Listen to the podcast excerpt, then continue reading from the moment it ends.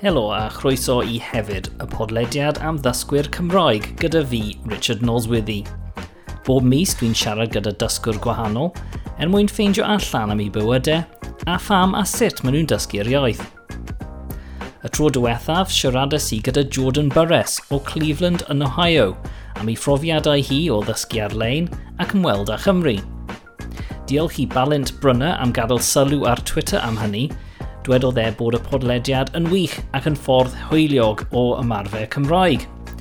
Diolch hefyd i Nia Wyn Skirm sy'n dweud bod hi'n hyfryd i glywed am siwrnau unigolion gwahanol, yn enwedig ein sgwrs gyda Rhiannon James ym menod 1. Ac yn olaf, diolch i Matt Batten sy'n dweud bod y podlediad yn arddechog i ddysgwyr. Wel, ein gwestai ni y tro yma ydy Rodolfo Piskorski, Mae Rodolfo yn astudio ieithoedd a dysgu Portugaleg i fyfyrwyr ym Mhrifysgol Cyrdydd.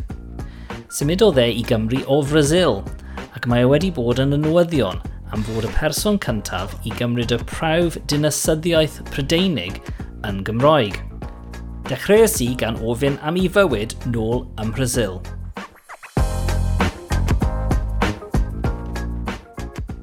Uh, Dwi'n dod o'r dynas o'r enw Florianopolis yn de, uh, Brazil. Um, dynas yn tipyn bach tebyg uh, i Garydydd yw hi. Uh, mae tipyn bach fwy na Chaerdydd. Um, Prifdynas dalaeth yw hi, ond uh, ynys yw hi. Um, uh, Mae hi'n enwog uh, bod uh, llawer o traethau gyda hi. Ah, hyfryd. Felly tywydd yn well na Chymru? Uh, ydy, ydy, mae'r mae, mae tywydd yn well, ond uh, weithiau mae'r rhy poeth. Oh, right. Uh, weithiau. Ond, ond mae'r mae uh, oer uh, hefyd uh, weithiau uh, yn y de ti wedi symud o, o Brazil i Gymru, ond on, beth oedd beth oedd ti'n neud cyn symud i Gymru? Beth oedd ti'n neud fel, fel swydd yn Brazil? Mm, ar o'n i'n astudio, uh, astudiais i uh, ymrifysgol um, Saesneg a llenyddiaeth, llenyddiaeth Saesneg.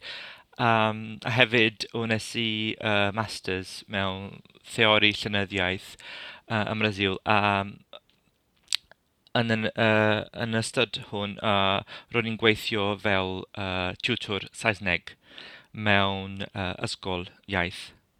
A ah, ie, yeah. so ti'n da iawn yn, am, am wneud ieithoedd yn barod wrth gwrs. Um, ond pam, sim, pam symud i Gymru? Wel, uh, felly uh, o'n i eisiau gwneud fy noethuriaeth um, uh, dramor a um, roedd uh, diddordeb gyda fi um, mewn rhaglen astudio uh, sy, si, um, yma yn ymryfeddw Caerdydd. Um, Des i i Gaerdydd fel twrist uh, yn gyntaf um, yn 2012 uh, ymwelais i uh, ar brifysgol a siaradais i uh, gyda'r athro o'n i eisiau fel fy nghyfarwyddwr. Um, felly, uh, o'n i'n hoffi iawn, uh, yn fawr iawn, uh, y ddynas uh, uh, ar y brifysgol. Felly penderfynais i astudio yma. Felly uh, ro'n i'n chwilio am uh, y raglen uh, astudio benodol. Ie, yeah, ie. Yeah. So dyma ti yn byw yng Nghymru a, a, a dechrau gweithio yma felly. Um, a wedyn penderfynu dysgu'r iaith Gymraeg hefyd. Pam, pam dysgu'r iaith Gymraeg?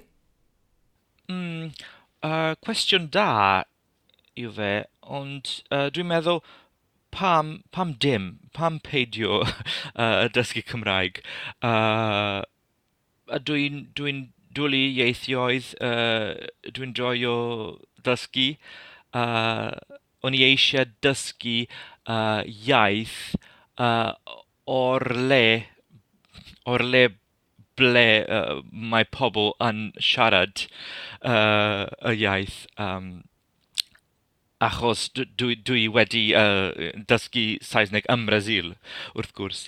Um, felly, felly roedd yn uh, gyffroes iawn i, i, i, dysg, i ddysgu i astudio Cymraeg yn Nghymru. Um, wrth gwrs, uh, roedd um, ddim i fi um, ddysgu Cymraeg uh, achos yn ystod uh, fy noethuriaeth uh, o'n i'n answyddogol uh, yn aelod o'r staff.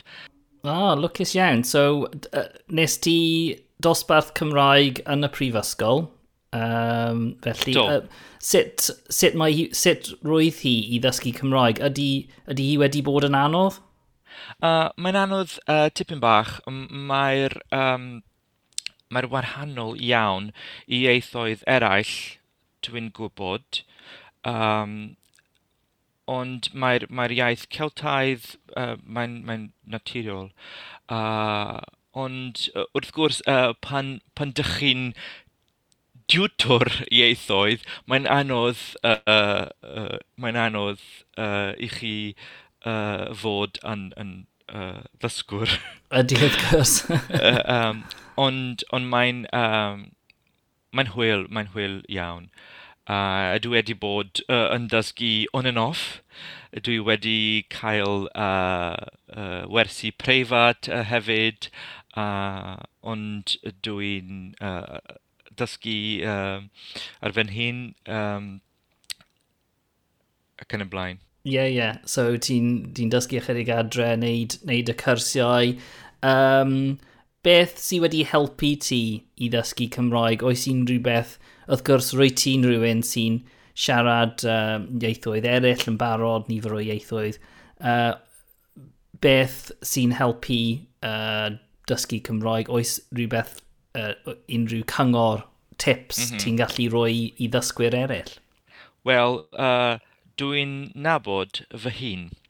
Uh, pan, uh, pan mae pobl pan dych chi'n dysgu rhywbeth, uh, dych chi'n dysgu amdan, amdano chi uh, eich hun uh, wastad. Uh, mae, mae rhaid i bobl um, ffeindio sut, sut i ddysgu beth yn gweithio i chi. Felly dwi'n um, dwi meddwl bod yn uh, gwybod am gramadeg yn helpu uh, yn fawr iawn. Uh, uh, Mae'n mae um, mae normal uh, ym Brazil uh, i, i wybod am, am gramadeg uh, achos dyn ni'n uh, dysgu hwn yn, yn yr ysgol. Ie, yeah, wyt ti'n... Uh, yn amlwg mae, mae bod yn, yn, yn rhywun sydd wedi dysgu ieithoedd eraill, mae'n ma, ma siŵr bod hynny wedi helpu. A beth am clywed a, a, a siarad y Gymraeg? Wyt ti'n gwrando ar y radio, gwylio teledu, unrhyw beth fel yna?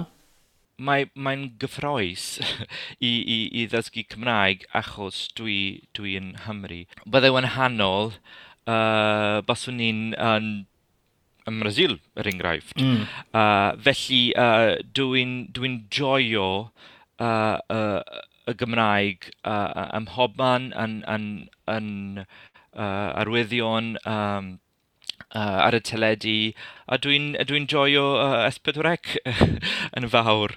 Uh, dwi'n dwi edrych uh, y ddrama S4C. Um, a hefyd dwi'n trio uh, darllen um, llawer yn, yn Gymraeg, uh, llyfrau a uh, hefyd uh, newyddion. Ie, yeah, ie. Yeah. Ac wrth gwrs, fel, fel llawer o bobl, dwi'n siŵr bod uh, y pandemig, y, y coronavirus wedi gwneud pethau'n wahanol, efallai yn anoddach uh, i, i bobl sy'n dysgu Cymraeg. Yd, ydy hynny wedi digwydd i ti? Yd, ydy hi wedi bod yn anodd? Wrth gwrs, wrth gwrs. Uh, dwi'n cytuno. Um, dwi, uh, dwi ddim wedi bod yn cysylltu gyda llawer o fy ffrindiau sy'n siarad Cymraeg. A, a mae'r uh, wersi uh, ar-lein nawr. Uh, a dwi ddim yn hoffi uh, gwersi ar-lein. Uh, dysgu ac addysgu. Uh, ond uh, dechreuais i uh, yn ystod y pandemig uh, gwersi preifat ar-lein. Um, um, mae hwnnw uh, yn, yn, yn iawn. Uh, uh, roedd, roedd hwn yn, yn, yn gweithio uh, i fi.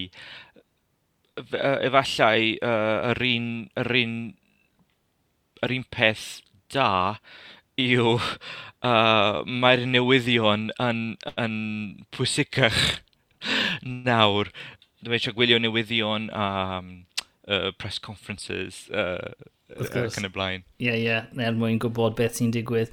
A hefyd, uh, yn ogystal â symud i Gymru a i weithio a, a dysgu Cymraeg, rwy ti wedi penderfynu gwneud prawf i fod yn ddinesydd uh, Cymraeg, um, y prawf dinasyddiaeth uh, os, os dwi wedi um, deall y, y term yn gywir. Um, a nes di hynny yn Gymroeg am y tro cynta?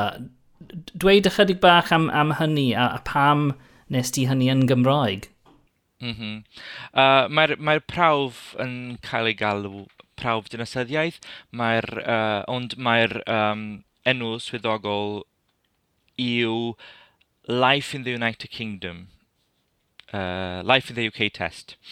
Um, Mae'r prawf yn profi uh, dych chi'n gwybod uh, sut y gwlad yn gweithio mewn theori. Um, felly, uh, rhaid i chi, um, os, eis, os dych chi'n eisiau dod yn, yn ddynesydd, gwneud y prawf uh, cyn i chi uh, ymgeisio am ddynasyddiaeth. Uh, ro'n i wedi darllen am y prawf, a ro'n i'n gwybod uh, bod hi'n bosib i wneud fe yn Gymraeg.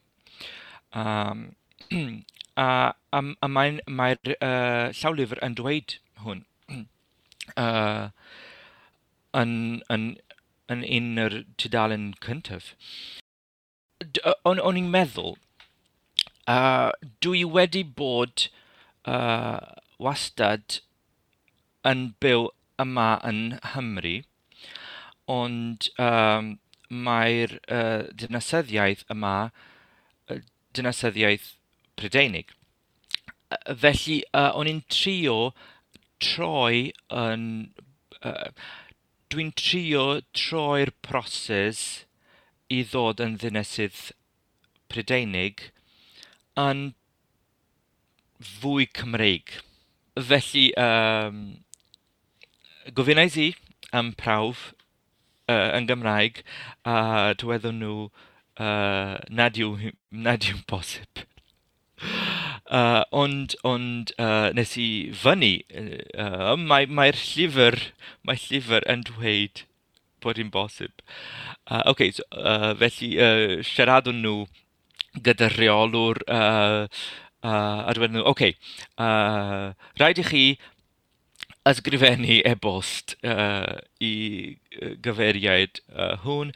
Um, a felly, uh, ysgrifennais uh, e-bost uh, back and forth. Um, dwi'n meddwl mis nesaf um, dwi'n uh, nes i yr prawf. O, oh, da iawn. So, chydig o ymdrech, chydig o waith i wneud i, i, i sicrhau bod ti'n gallu wneud e yn Gymraeg, ond fe nes ti'r prawf yn Gymraeg yn y diwedd. Um, sut oedd hi? Sut oedd y, sut oedd y prawf? Um, Mae'n mae iawn. Mae'n uh, prawf dim yn anodd os dych chi wedi darllen uh, uh, y llyfr. Uh, felly, um, ymarferais i uh, llawer A, a, ond uh, roedd... Uh, ond her i fi oedd hi uh, i fy Gymraeg, dwi'n meddwl. Da iawn. Um, well, Rwy'n siŵr bod wneud y prawf wedi helpu uh, gyda dysgu mwy o eiriau. Uh, do. um, uh, roedd ymarfer yn help yn helpu uh, iawn. Dwi wedi uh, yn, yn hofio y llawer o, o weiriau um, a dwi wedi, uh, dwi wedi uh, ymarfer a, ac astudio, uh, achos uh, maen nhw'n yn, yn benodol iawn. Ie, yeah, ie. Yeah. Pa fath o gwestiynau um, maen nhw'n gofyn yn y prawf? Mae cwestiynau yn hawdd iawn. Mae rai uh, cwestiynau yn anodd. Uh, ond uh, mae'r mwyafrif o cwestiynau yn, yn, yn hawdd. Uh, er enghraifft, um, uh, beth yw'r prifdinaeth Cymru?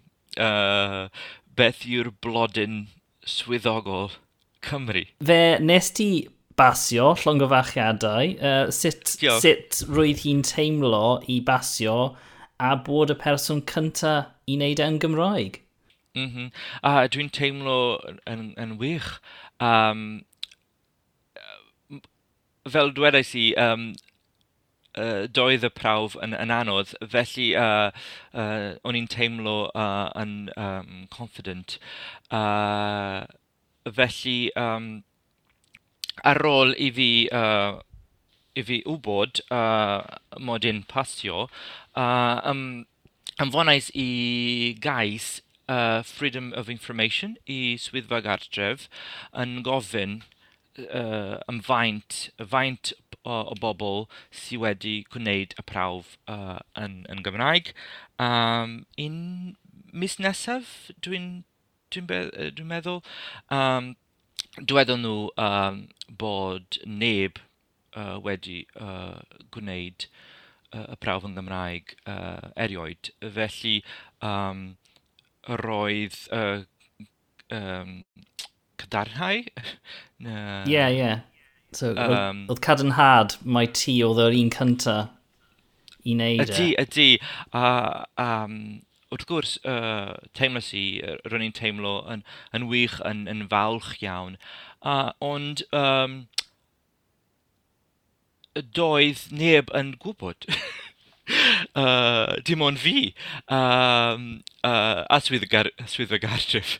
Felly, um, uh, dwedodd uh, fy ffrind i sy'n siarad Cymraeg uh, bod y stori yma yn ddiddorol iawn um, um, a, a bod, um, bod pobl yn, yn uh, a fydd pobl yn, yn hoffi hi. Yn sicr. Um, felly, um, dwi, uh, ro'n i wedi gwneud y prawf, ond uh, dwi'n i ddim wedi uh, ymgeisio am dynasyddiaeth eto ar y pryd. Um, achos, achos mae, mae cais dynasyddiaeth yn ddrud iawn. A, a doedd, doedd dim arian gyda fi ar y pryd. Ond uh, roedd a ofyn arna i um, uh, achos uh, Brexit. Felly, uh, ro'n i eisiau dod yn dynesydd cyn y diwedd uh, y flwyddyn. Um, felly, dyma pam dechreuais i dechreuais i amgyrch ar-lein uh, i godi arian am fy nghaes dinasyddiaeth. Um, felly dechreuais i crowdfunder.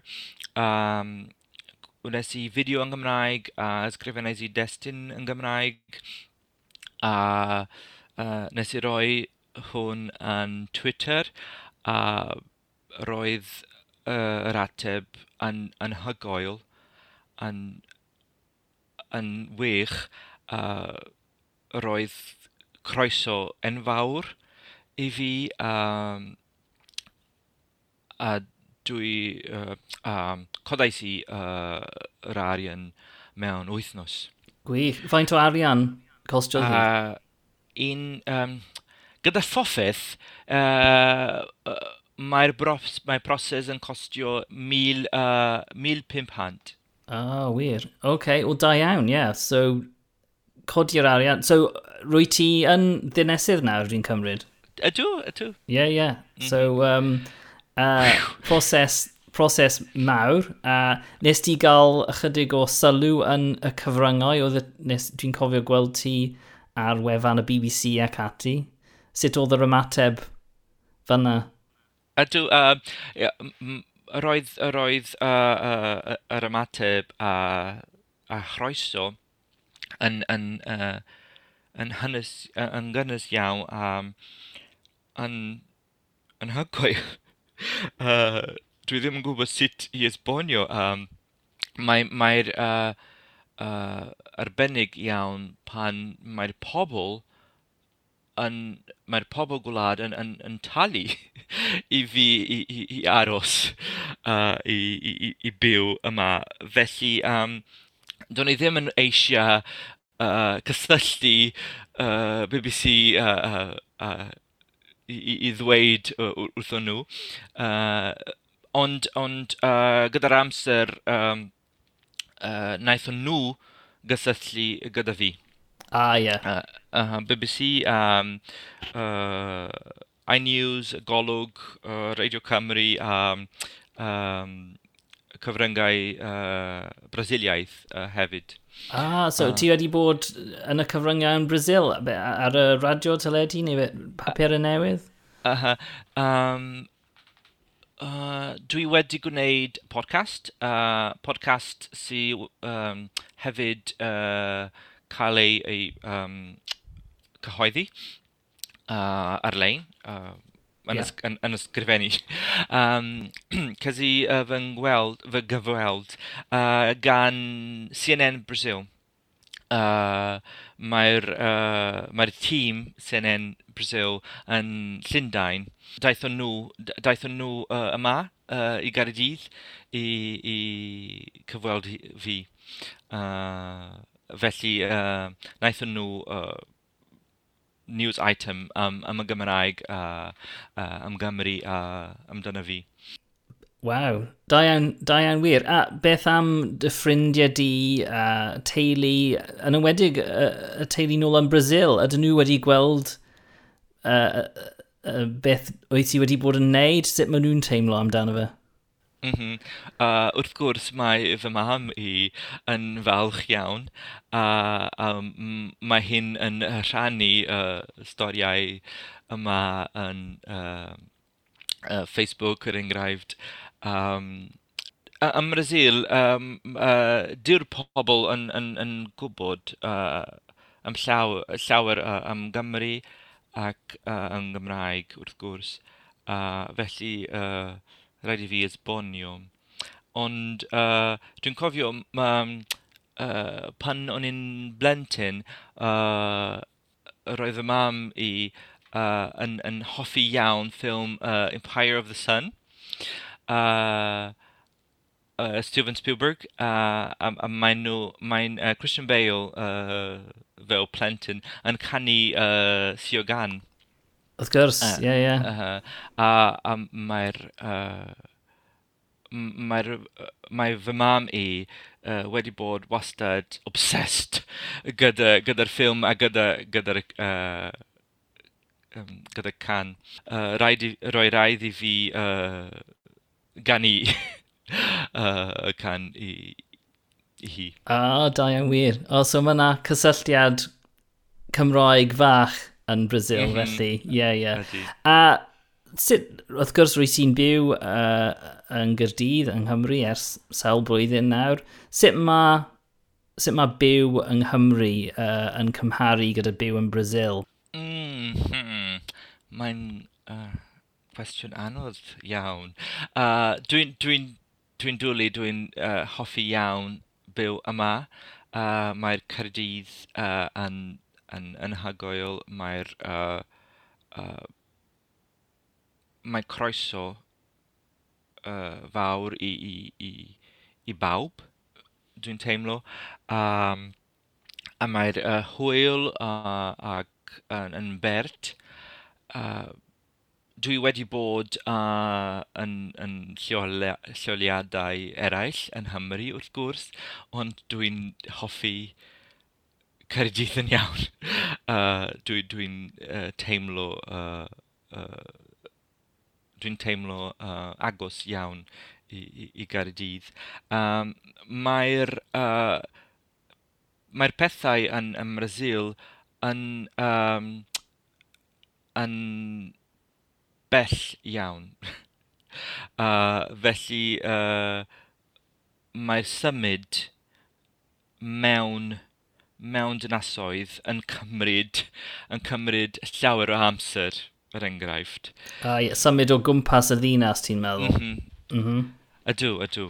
Felly, uh, dwi'n dwi hoffi, uh, dwi hoffi cerdded bob man yeah. yn, yn, yn Hyrdydd. Uh, dwi'n dwi'n byw yn, yn hanol y ddinas, uh, felly dwi'n uh, hoffi uh, y uh, teimlad urban, uh, yeah, ond, yeah, ond dyw hi ddim uh, yn, yn, yn rhy fawr.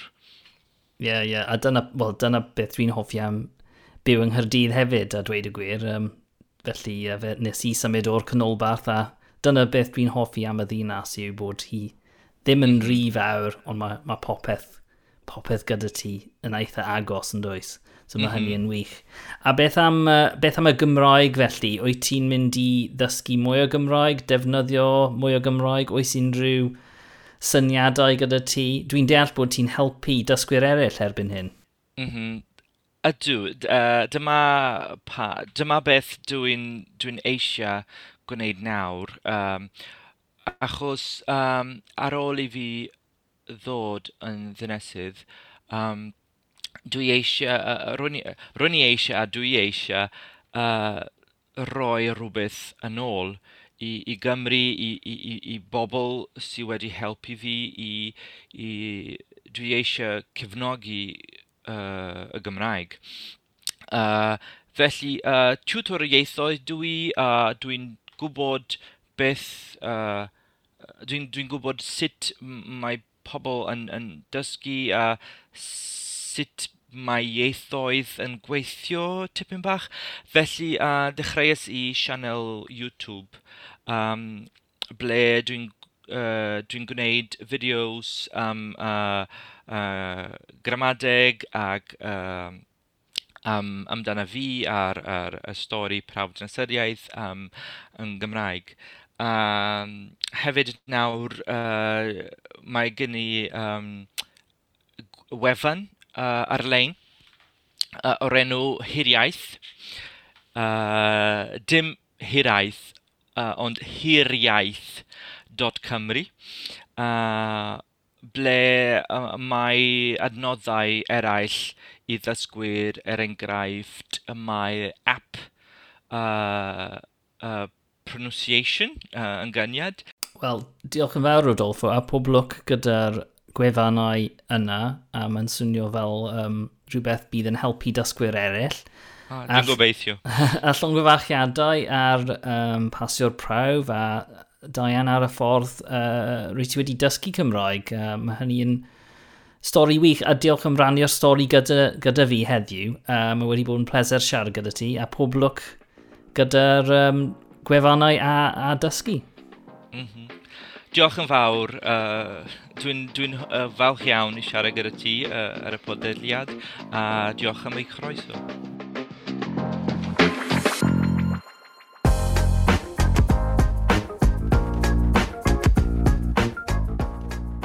Wel, diolch yn fawr i Rodolfo am y sgwrs yna. Mae e wedi creu llawer o adnoddau ar-lein i ddysgwyr Cymroeg, felly dwi wedi rhoi linciau yn nodiadau'r podlediad yma ac ar y wefan hefyd.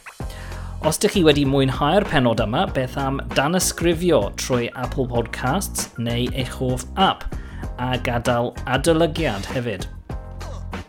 Diolch am rando, byddai nôl y mis nesaf gyda gwestai arall. Tan hynny, hwyl fawr.